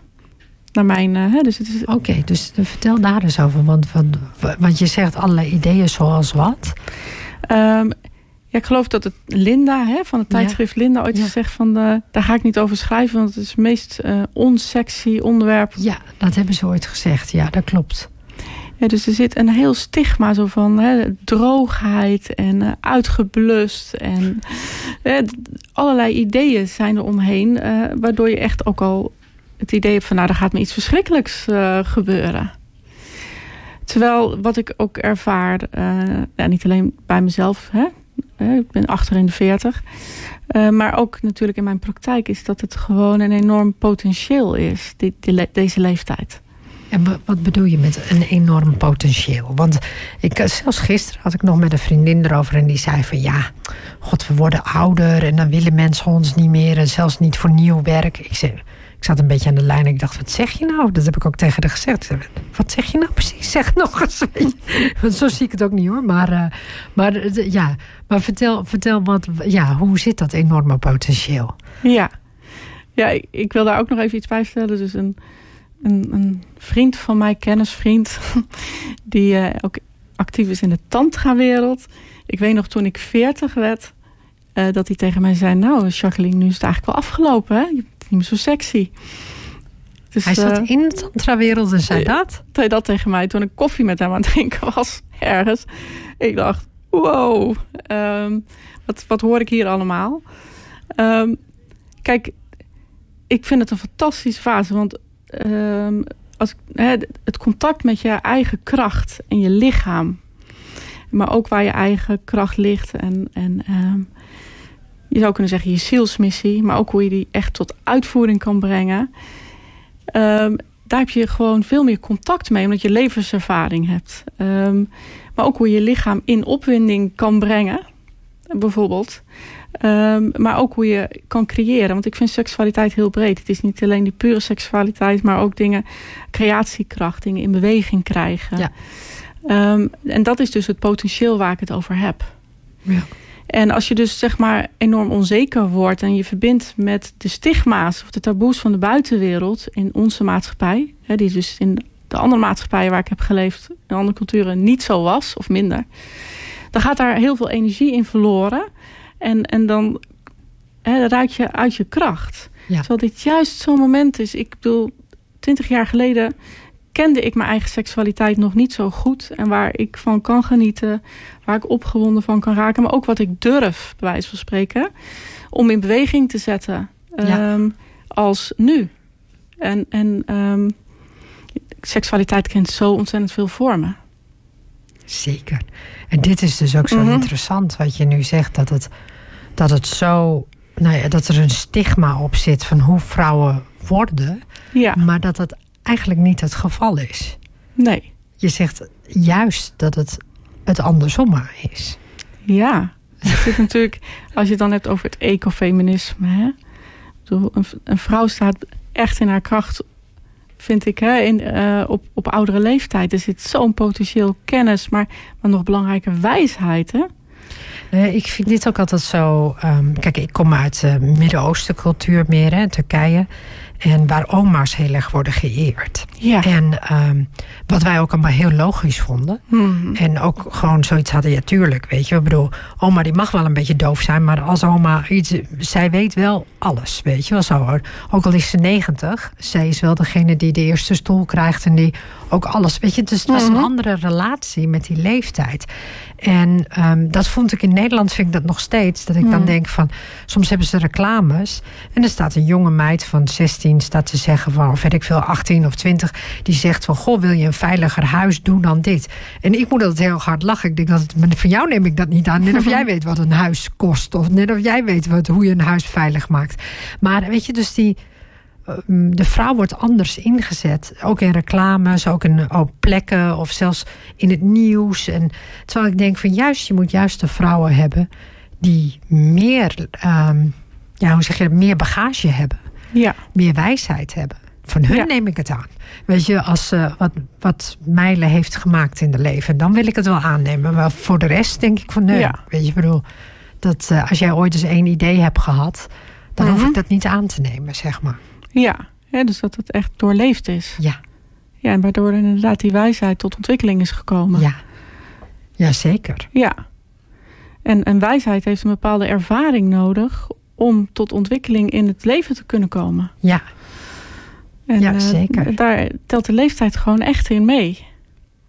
Maar eigenlijk laten heel veel vrouwen zich ook een beetje teneerslaan, zou je kunnen zeggen, door het maatschappelijke stigma. Wat en op een stukje vrouwelijkheid, vind ik, zit. En met name ook op menopauze. ja, Hè, enerzijds. Ehm, ja, en ook nog ouderen. Hè? Dus dat, dat, eh, het En eren van nog- de ouderen. Ja, het eren van nou, ja, daarom, dat is ook wat, weet je, daarom noemde ik het ook. Want ehm, het is zo gek dat men dat in, eh, in Nederland zo weinig doet. Oh, laat staan ook, ook oudere mannen hoor. Eh, er is ook Mhm. iets, weet je, er is ook die kennis, zeg maar. Ik zeg altijd van. Ik ben heel lang leidinggevende geweest. Ik zeg altijd dat iemand die jong is, kan snel bepaalde mijlen maken. Die kan snel werken, maar Mhm. maakt vaak veel fouten. Terwijl Ja. als je iemand hebt die wat ouder is, daar, daar kun je heel makkelijk mee eh, levelen. Die eh, kan het beter overzien, maakt minder fouten. En, wij, ja, en zijn ook een voorbeeld voor de jongere generatie. Ook. Ja, Dus als je jezelf laat zien hierin en je kracht, je Ja. schoonheid, ja, dan, dan inspireer je daarmee ook jongeren. En die worden ook minder bang om in de overgang te komen. Want tegenwoordig zijn mensen, zelfs vrouwen, zelfs bang om in de overgang te Ja. komen. en heel verdrietig als ze in de Mhm. overgang raken ook. Ja, En dat is ook net of er iets wordt afgepakt. Terwijl, hm, dat hoeft helemaal niet. Maar nog een vraagje, want dat, dat, had ik, ehm, dat post ik laatst op Facebook. Ehm, Naomi Campbell. ja, Die heeft, een, eh, eh, die heeft een kindje gekregen. En inmiddels is Naomi 51. En ehm, ik geloof dat het hele.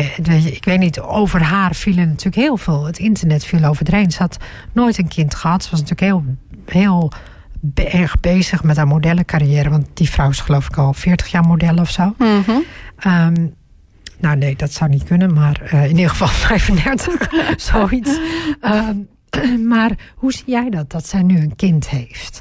Wat vind je dat raar of ehm, hoe, hoe zie jij dat? Ma- Mag je op die leeftijd eh, nog kinderen krijgen? per definitie vind ik vrouwen die het taboes doorbreken geweldig. Ja, precies. Dat vind ik, vind ik ook. Dus eh petje af dat zij deze stap neemt. Ja. En waarom niet? Weet je, Ja. laat het haar ervaren. En ehm, ik vind het fantastisch dat ze dit doet. En eh, ja, dat ze mag daarin ook een voorbeeld weer zijn voor anderen. Niet per se concreet dit, maar dat je ook taboes mag doorbreken. Ja. En eh, dit is belangrijk ook. Dit soort eh, mensen zijn belangrijk. Want bij mannen wordt het heel normaal gevonden als ze nog kinderen krijgen boven de 50, 60. Ja. En, ook heel normaal. Ik heb een, Mhm. Een oudere vriend, die is, hij is ik denk nu 63. En hij zei laatst, eh, ik denk dat ik nog een kind wil. Dacht, ik denk dat ik nog een kind wil. Oké, dat kan, weet je. Mhm. Het kan dus, weet je. Dus hij kan dat heel makkelijk zeggen, ja. Ja. ja. Dus waarom niet met vrouwen op oudere leeftijd? Ja, Ja, en ja, het heeft natuurlijk ook heel veel voordelen. Omdat dus hè, je jezelf veel beter kent. En ook, eh, je kan een hele goede moeder zijn. Ja, ik ben zelf nog moeder op mijn veertigste geworden. Maar eh, ik vind het ook een heel groot voordeel. ja waarom vind je het zo'n groot voordeel? Omdat ik me, ja, eh, mezelf beter ken. En waar mijn grenzen liggen. En waar ik rekening mee moet houden. Om alles goed draaiende te houden, zou je kunnen zeggen. In mijn gezin. En ehm, ja, ook bepaalde ervaringen alweer te kunnen doorgeven aan mijn kinderen. Ja, En maar heb je niet het idee dat je rustiger bent? Ik ben altijd wel al heel rustig. Ja, Dat zeggen eh, mensen heel vaak over mij. Eh, ik ben een erg relaxte moeder. Nou, ja. Ehm, maar ik ben wel rustiger. Dat klopt wel. Want ik was natuurlijk... Toen ik jonger was, veel meer op zoek naar avontuur. Wat ik je ook vertelde in Zuid-Amerika. Zo. Nu ben ik gewoon ontzettend blij met thuis. ja. Ik hoef niet meer de avonturen op te zoeken. Ja, want die, dat kun je op een andere manier doen. Maar ik vind het wel mooi wat je zegt. Dus die, want wat Mhm. gebeurt er nu in de overgang waarom het nou zo'n bijzondere periode is? Dat wij, ehm, dat, dat vrouwen meer in hun kracht komen. Wat, wat is, de, weet je, is het, want onze hormonen worden minder, zei je net. Een aantal hormonen. Ja, dus, dus het, type hormoon zeg maar, verandert ook als je kijkt naar een bepaald type oestrogeen. Hè. Dat wordt weer een ander type oestrogeen wat minder actief is, minder sterk actief is. Ehm, progesteron daalt. En dat, uh, daardoor worden we stressgevoeliger, omdat progesteron helpt om stress te verminderen. Um, het bijzondere vind ik van deze leeftijd ook. Hè, dus je kon veel meer uh, uit de band vliegen, om, zeg maar, als je jonger was. Ook, en dat zijn natuurlijk ook belangrijke ervaringen om dichter bij jezelf uit te komen. Maar als je dat nog doet als je in de overgang bent of naar de menopauze, dan krijg je dat veel sneller terug. Ook fysiek. Omdat je, omdat je stressgevoeligheid toe is genomen door die hormonen. Ah, oké. Bijvoorbeeld. En dat geeft ja. een kans om bij jezelf te blijven. Ja. Ja, heel goed. En het geeft dus ook een kans. En, en daar bedoel ik niet per se seksuele opwinding mee, maar ook dat, maar breder. Om je eigen. Waar, word jij, waar wordt de vrouw, waar word ik, waar word jij opgewonden van? Ja, dus in het leven, zeg ja. maar. Dat is eigenlijk wat je bedoelt. Wat, ja. wat, wat zet je in vuur en vlam? Dat Precies. is een beetje wat je, wat je bedoelt. Ja. ja. En, maar ook echt letterlijk op fysiek niveau. Hè? Dat je het misschien... Eerst ging het allemaal maar makkelijk, zeg maar. En dan heb je weinig nodig van buitenaf. En nu komt het veel meer van... Ja, uh, welke plekken in mijn lijf, wijze van spreken... mogen er aangeraakt worden? Of wil ik aanraken? Hoe wil ik een orgasme bereiken? Dat ook. Hè? Dus je er creatiever in wordt. Dus ja. er wordt een beroep gedaan op je creativiteit... omdat er misschien wat minder middelen beschikbaar zijn.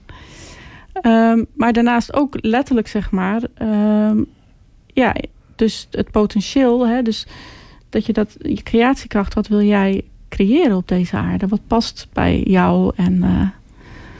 Ik vind het zo mooi hoe de, volgens mij de Chinezen zeggen dat. Ze noemen het een tweede lente voor een vrouw. Mm Dus dat, dat zeg je eigenlijk ook een beetje. Het is een, een, ja, een tweede manier van dat je jezelf op een andere manier kan kiezen van hoe sta ik in het leven en hoe wil ik zijn in mijn leven nu nog of zo. Ja. Ja. Ja. In wezen komt de dood natuurlijk ook dichterbij. Ja. Al heb ik het idee dat ik zeker 120 word hoor, maar dat. dus uh, ik denk steeds van, oh, ik heb nog heel lang te gaan. Ja. Dus dat, uh, ja, ik begrijp wat je bedoelt, ja. Maar des te reden te meer, zeg maar, om volop in het leven te stappen. Maar ook te kunnen stappen, omdat je daar meer uh, wijsheid over hebt vergaard. Van hoe je dat kan doen op deze leeftijd. Ja. En soms heb je ook meer financiële middelen natuurlijk. Um, maar ik vind het heel belangrijk dat daar ook veel meer focus en aandacht in tijdschriften, op de radio zeg maar, op komt. Want heel vaak wordt het dus alleen maar afgeschilderd aan van het wordt minder of zo. Of je bent ja. beperkter. Ja. Dat is duidelijk. Ja, het wordt steeds, er wordt steeds vaker gezegd... je bent beperkter en minder. Mm -hmm. Maar nu hebben we natuurlijk heel veel gefocust... op die menopauze en op vrouwen. Maar mannen hebben ook iets ja. waar bijna nooit over wordt gepraat. Ja, precies. En dat wordt ook wel de penopauze of de andropauze genoemd. Ja, en dat is niet zeg maar dat ze een um, midlife crisis krijgen? Of is nee. dat hetzelfde? Nee. Nee. Dat is anders. Oké, okay. leg het eens uit. Op fysiek niveau is dat een langzame uh, verschuiving van de verhouding van bepaalde hormonen, ook in het uh, lichaam van een man. Ja, dus waar als je jong bent, testosteron zeg maar in verhouding tot oestrogeen hè, bijvoorbeeld 20 staat tot 1 is, verschuift dat langzaam hè, richting 4 staat tot 1, 3 staat tot 1. Oh, dat is een heel groot verschil. Een enorm verschil. Ja. En uh, in, in het leven van de vrouw gaat dat veel sneller, die verschuiving van de hormonen. Uh, maar bij mannen um, gebeurt dit ook. Dus onlangs had ik het er nog over. Um, met een man en die zei, ik heb daar nog nooit van gehoord. Waarom wordt de menopauze uitgebreid uitgemeten. Hè, en dit niet. Dat vind ja. ik ook alweer heel opvallend. Ja. Um, mannen kunnen ook bijvoorbeeld zweetaanvallen krijgen. ik noem maar wat, is ook helemaal niet bekend. Nee. Um, maar het doet ook wat met het, natuurlijk het libido, maar ook het, het gevoel van welzijn en de stressgevoeligheid. Um, maar ook de afzetten van buikvet, je, het gewicht. Aan de andere kant heeft leefstijl uh, en uh, dus ook de ontgiftingssystemen van de man. Als je dat goed onderhoudt, zeg maar. Dus ook als de man goed in contact blijft met zijn lijf en zijn eigen behoeftes. Dat uh, zorgt er ook voor dat die uh, andropauze uh, soepeler verloopt. En dat er minder klachten ontstaan. Dus die. Dus dat, maar hoe werkt die andropauze nu precies? Want vanaf welke leeftijd krijgt een man daar dan mee te maken? Is dat dan net zo vroeg als wij dan in een premenopauze terechtkomen? Ja, dat heeft met heel veel factoren wel uh, te maken. Het is dus een langzame verschuiving. Maar je kan wel zeggen dat er al de leeftijd van 20 of 50 is er al een behoorlijk verschil. Ja. Hè, in die verhouding testosteron-oestrogeen. Maar 60 hè, neemt dat nog meer toe, 70 nog meer. Um, maar als er bijvoorbeeld sprake is van veel overgewicht, dan gaat dat veel sneller, want dan wordt er veel meer oestrogeen uh, gevormd. Ah.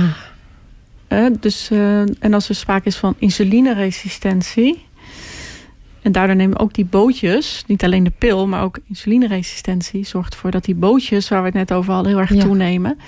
En um, dat er ook meer leverbelasting plaatsvindt. En daardoor ook de andere pauze sneller en eerder klachten geeft.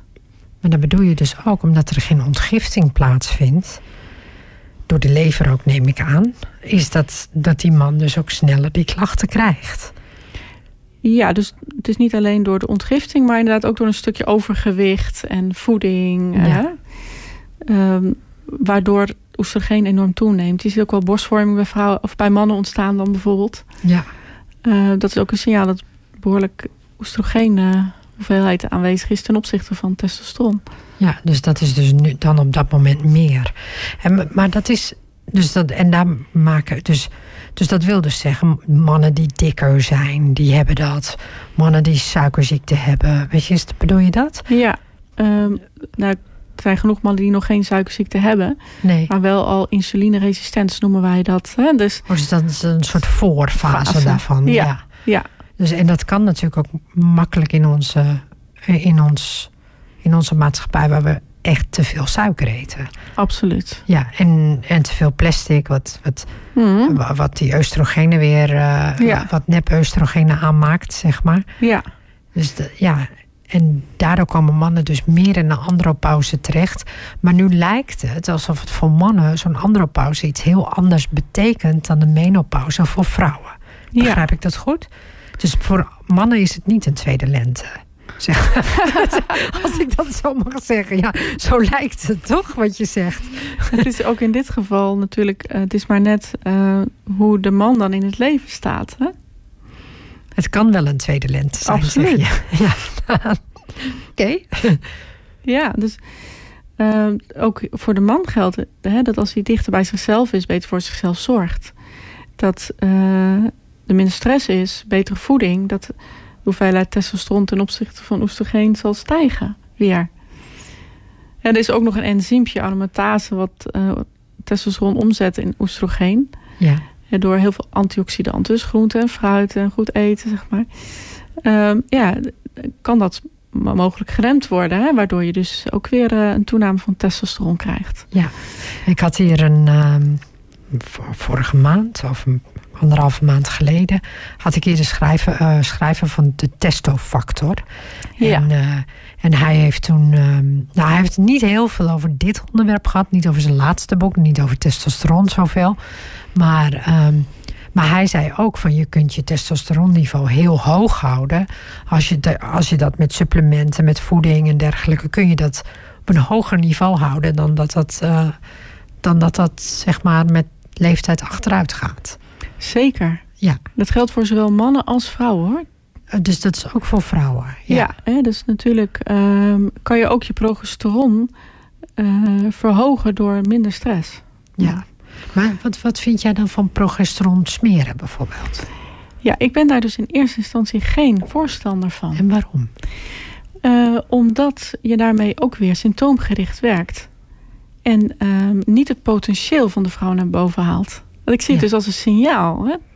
Ja. De klachten die ontstaan. Dus uh, een gebrek aan eigenwaarde. Het kan ook een psychisch signaal zijn.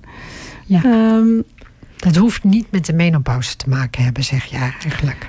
Ja, dus, ja, dus hormonale disbalans is ook een spiegel van hè, waar zit je ergens. En er kan dus ook heel veel uh, verbeterd worden zonder uh, hormoonvervangende therapie. Ja. Het is niet zo dat ik er tegen ben. In sommige gevallen heb ik ook meegemaakt in mijn praktijk. Is het zo heftig dat ik denk van oké, even tijdelijk bijvoorbeeld. Hè? Um, zeker. Dus, maar niet direct, niet heel snel altijd, maar meteen daarmee beginnen. Het is net als de pil, een heel makkelijk redmiddel zou je kunnen zeggen, waarmee je iets mist. En, en hoe, dus, maar dan geef je eigenlijk ook een beetje het antwoord op van als je um, een hormoontherapie zou doen. Mhm. Dus als je natuurlijke hormonen zou nemen. Of um, hoe ze dat in Amerika noemen ze dat, weet je, bioidentical hormones. Ja. dat, daar ben je ook niet zo voor. Niet in eerste instantie. Als laatste redmiddel. Als het, hè, dus bio-identieke hormonen hebben we het al yes. over. Hormoonvervangende therapie, inderdaad. Sorry, ik zit in, in, in, het Engels met mijn hoofd, ja. Ja, dus ik, ik weet nog één cliënte van mij inderdaad, die uh, had zoveel klachten. En uh, ja, die had zo'n hoge FSH. Nou, dat schoot alle... Het schoot echt de race echt de pan uit. Toen heb ik ook de huisarts bij ons gehad. Eh, hebben we het over gehad. Ja, in dit geval, ja. ja. Om eerst de vrouw even tot rust te brengen. Voordat ze weer verder kan, van spreken, vind ik het heel uh, zinvol. Ja. Om het wel in te zetten. Um, maar de, de, het is zo'n kans om zoveel um, nog meer uit jezelf te halen. Omdat als je heel veel hormonale klachten hebt, dan is er meer uitbalans in je gezondheid. En je gaat je op veel meer fronten beter voelen. Als je dat aangaat, om het zo maar even te zeggen. En ja. op een natuurlijke manier ondersteunt. Want ik vind bio-identiek hormonen is symptoomgericht. Ja. Het is niet holistisch, om het zo maar weer te zeggen. Ja, maar ook niet als ze bio-identiek zijn, zeg maar. Nee. Ja, wat is precies bio-identiek? Denk ik dan ook altijd. Wat is het dan precies? Hoe haal je dat? Waar haal je dat dan vandaan? Ja, en ja. ergens zeg je daarmee ook van... Um, ik ben niet oké okay met minder hormonen. Laten we nou eens gaan opstaan van het is wel oké. Okay. Er is niks mis met ons, ook als onze hormonen uh, dalen. Ja. Dus, is, dus oké, okay, in sommige gevallen hè, kan het wel uh, een uiterst redmiddel zijn... bij ontzettend veel klachten die de pan uitreizen, maar...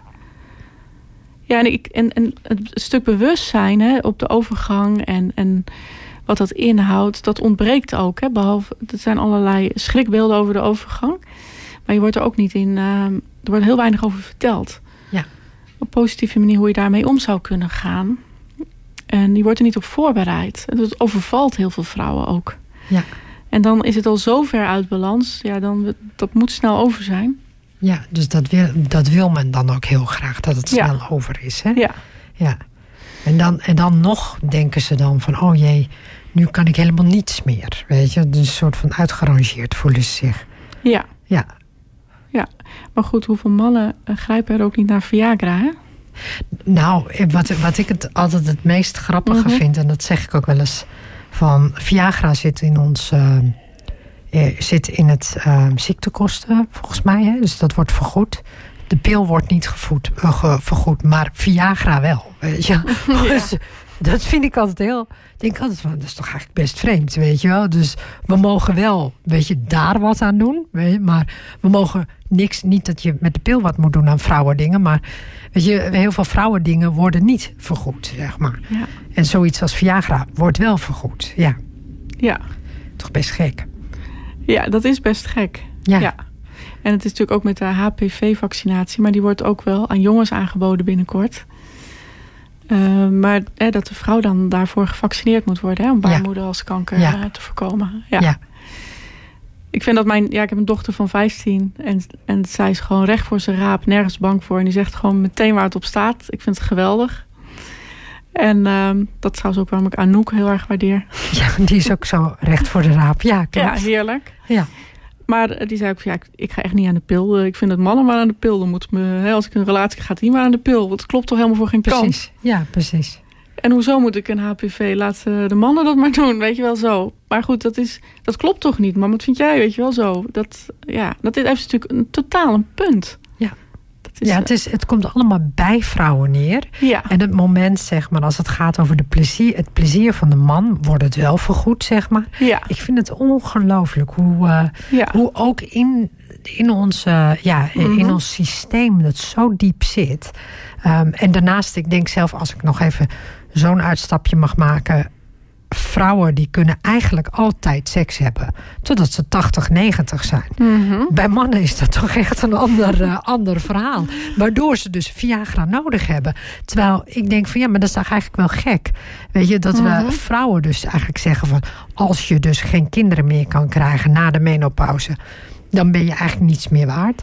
En bij mannen moeten we het vooral ook kunstmatig omhoog houden. Want stel je voor dat een man dat niet meer zou kunnen. Mhm. Het is zo'n rare wereld wat dat betreft. Nou, zeker. Ja, dus, Ja. dat, ehm, dus ik heb me daar altijd erg vreselijk aan geërgerd. Eh, dus, ik, eh, Mhm. dus daarom dat ik dit soort dingen ook weet. Maar ehm, nee, het, viel me, eh, het valt me altijd wel, wel op. Ja, Dat, waar, dat, dat, ja, dat we toch in een soort patriarchale maatschappij leven. Zeker.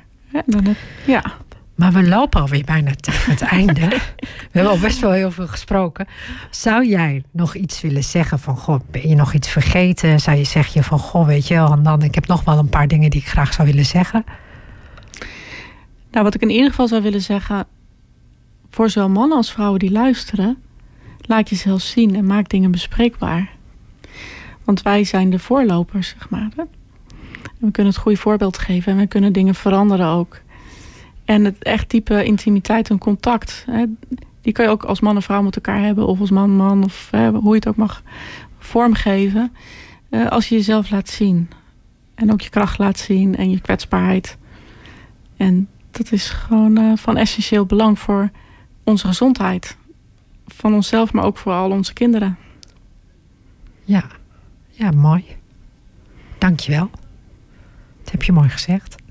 Ja, dus laten we zweet aanvallen en alles maar gewoon zien. Ja, laat het maar gewoon zien. En Ja. zeg maar gewoon dat het oké is. Ja. Ja, ja. En dat er geen probleem mee is. Nee, Ja, want als je het een probleem noemt, wordt het ook veel meer een probleem. nee, je hebt gelijk. Ja. Super bedankt, Jacqueline. We gaan jouw gegevens en alles wat, wat we van jou weten, gaan we onder de, de podcast zetten.